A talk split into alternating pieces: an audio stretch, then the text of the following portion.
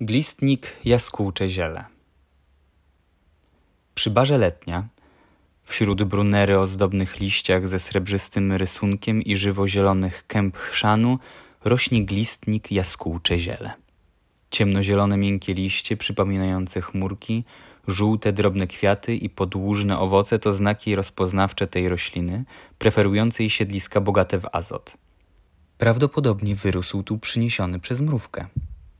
Nasiona glistnika posiadają wyspecjalizowane wyrostki nazywane elaisomami lub ciałkami mrówczymi, kuszące mrówki zawartością tłuszczów, a także białka i skrobi. Roznoszenie nasion przez mrówki znane jest od 1906 roku pod nazwą myrmekochoria. Termin ukuł szwedzki botanik i badacz Rudger Sernander.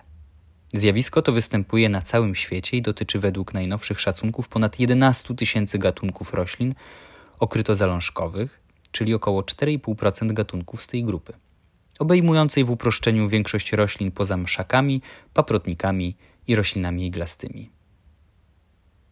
Myrmekochoria wyewoluowała wielokrotnie w różnych liniach roślin i jest korzystna dla obu stron relacji. Roślinom przynosi sporo korzyści relatywnie niskim kosztem wytworzenia elaisomu. Mrówki zazwyczaj zbierają i transportują nasiona do mrowiska wraz z elaisomem, który konsumują, a następnie wyrzucają samo nasiono w obrębie gniazda lub poza nim, co jest korzystne dla procesu kiełkowania nasiona. Transport, ochrona nasiona przed drapieżnikami, bezpieczne i bogate w składniki odżywcze mikrośrodowisko to benefity, jakie glistnik i inne rośliny myrmekochoryczne otrzymują od mrówek. Kiedy złamiemy łodyżkę glistnika, zobaczymy wypływający intensywnie żółty sok. Stosowany był kiedyś na kurzajki. Z kolei nazwa glistnik pochodzi od faktu, że roślina była używana do leczenia chorób pasożytniczych u dzieci. Ciekawa jest również łacińska nazwa tego ziela. Helidonium pochodzi od greckiego słowa helidon, oznaczającego jaskółkę. Jaskółcze ziele nosi taką nazwę, ponieważ wyrasta na wiosnę, kiedy jaskółki wracają z zimowisk, a gaśnie jesienią, gdy odlatują.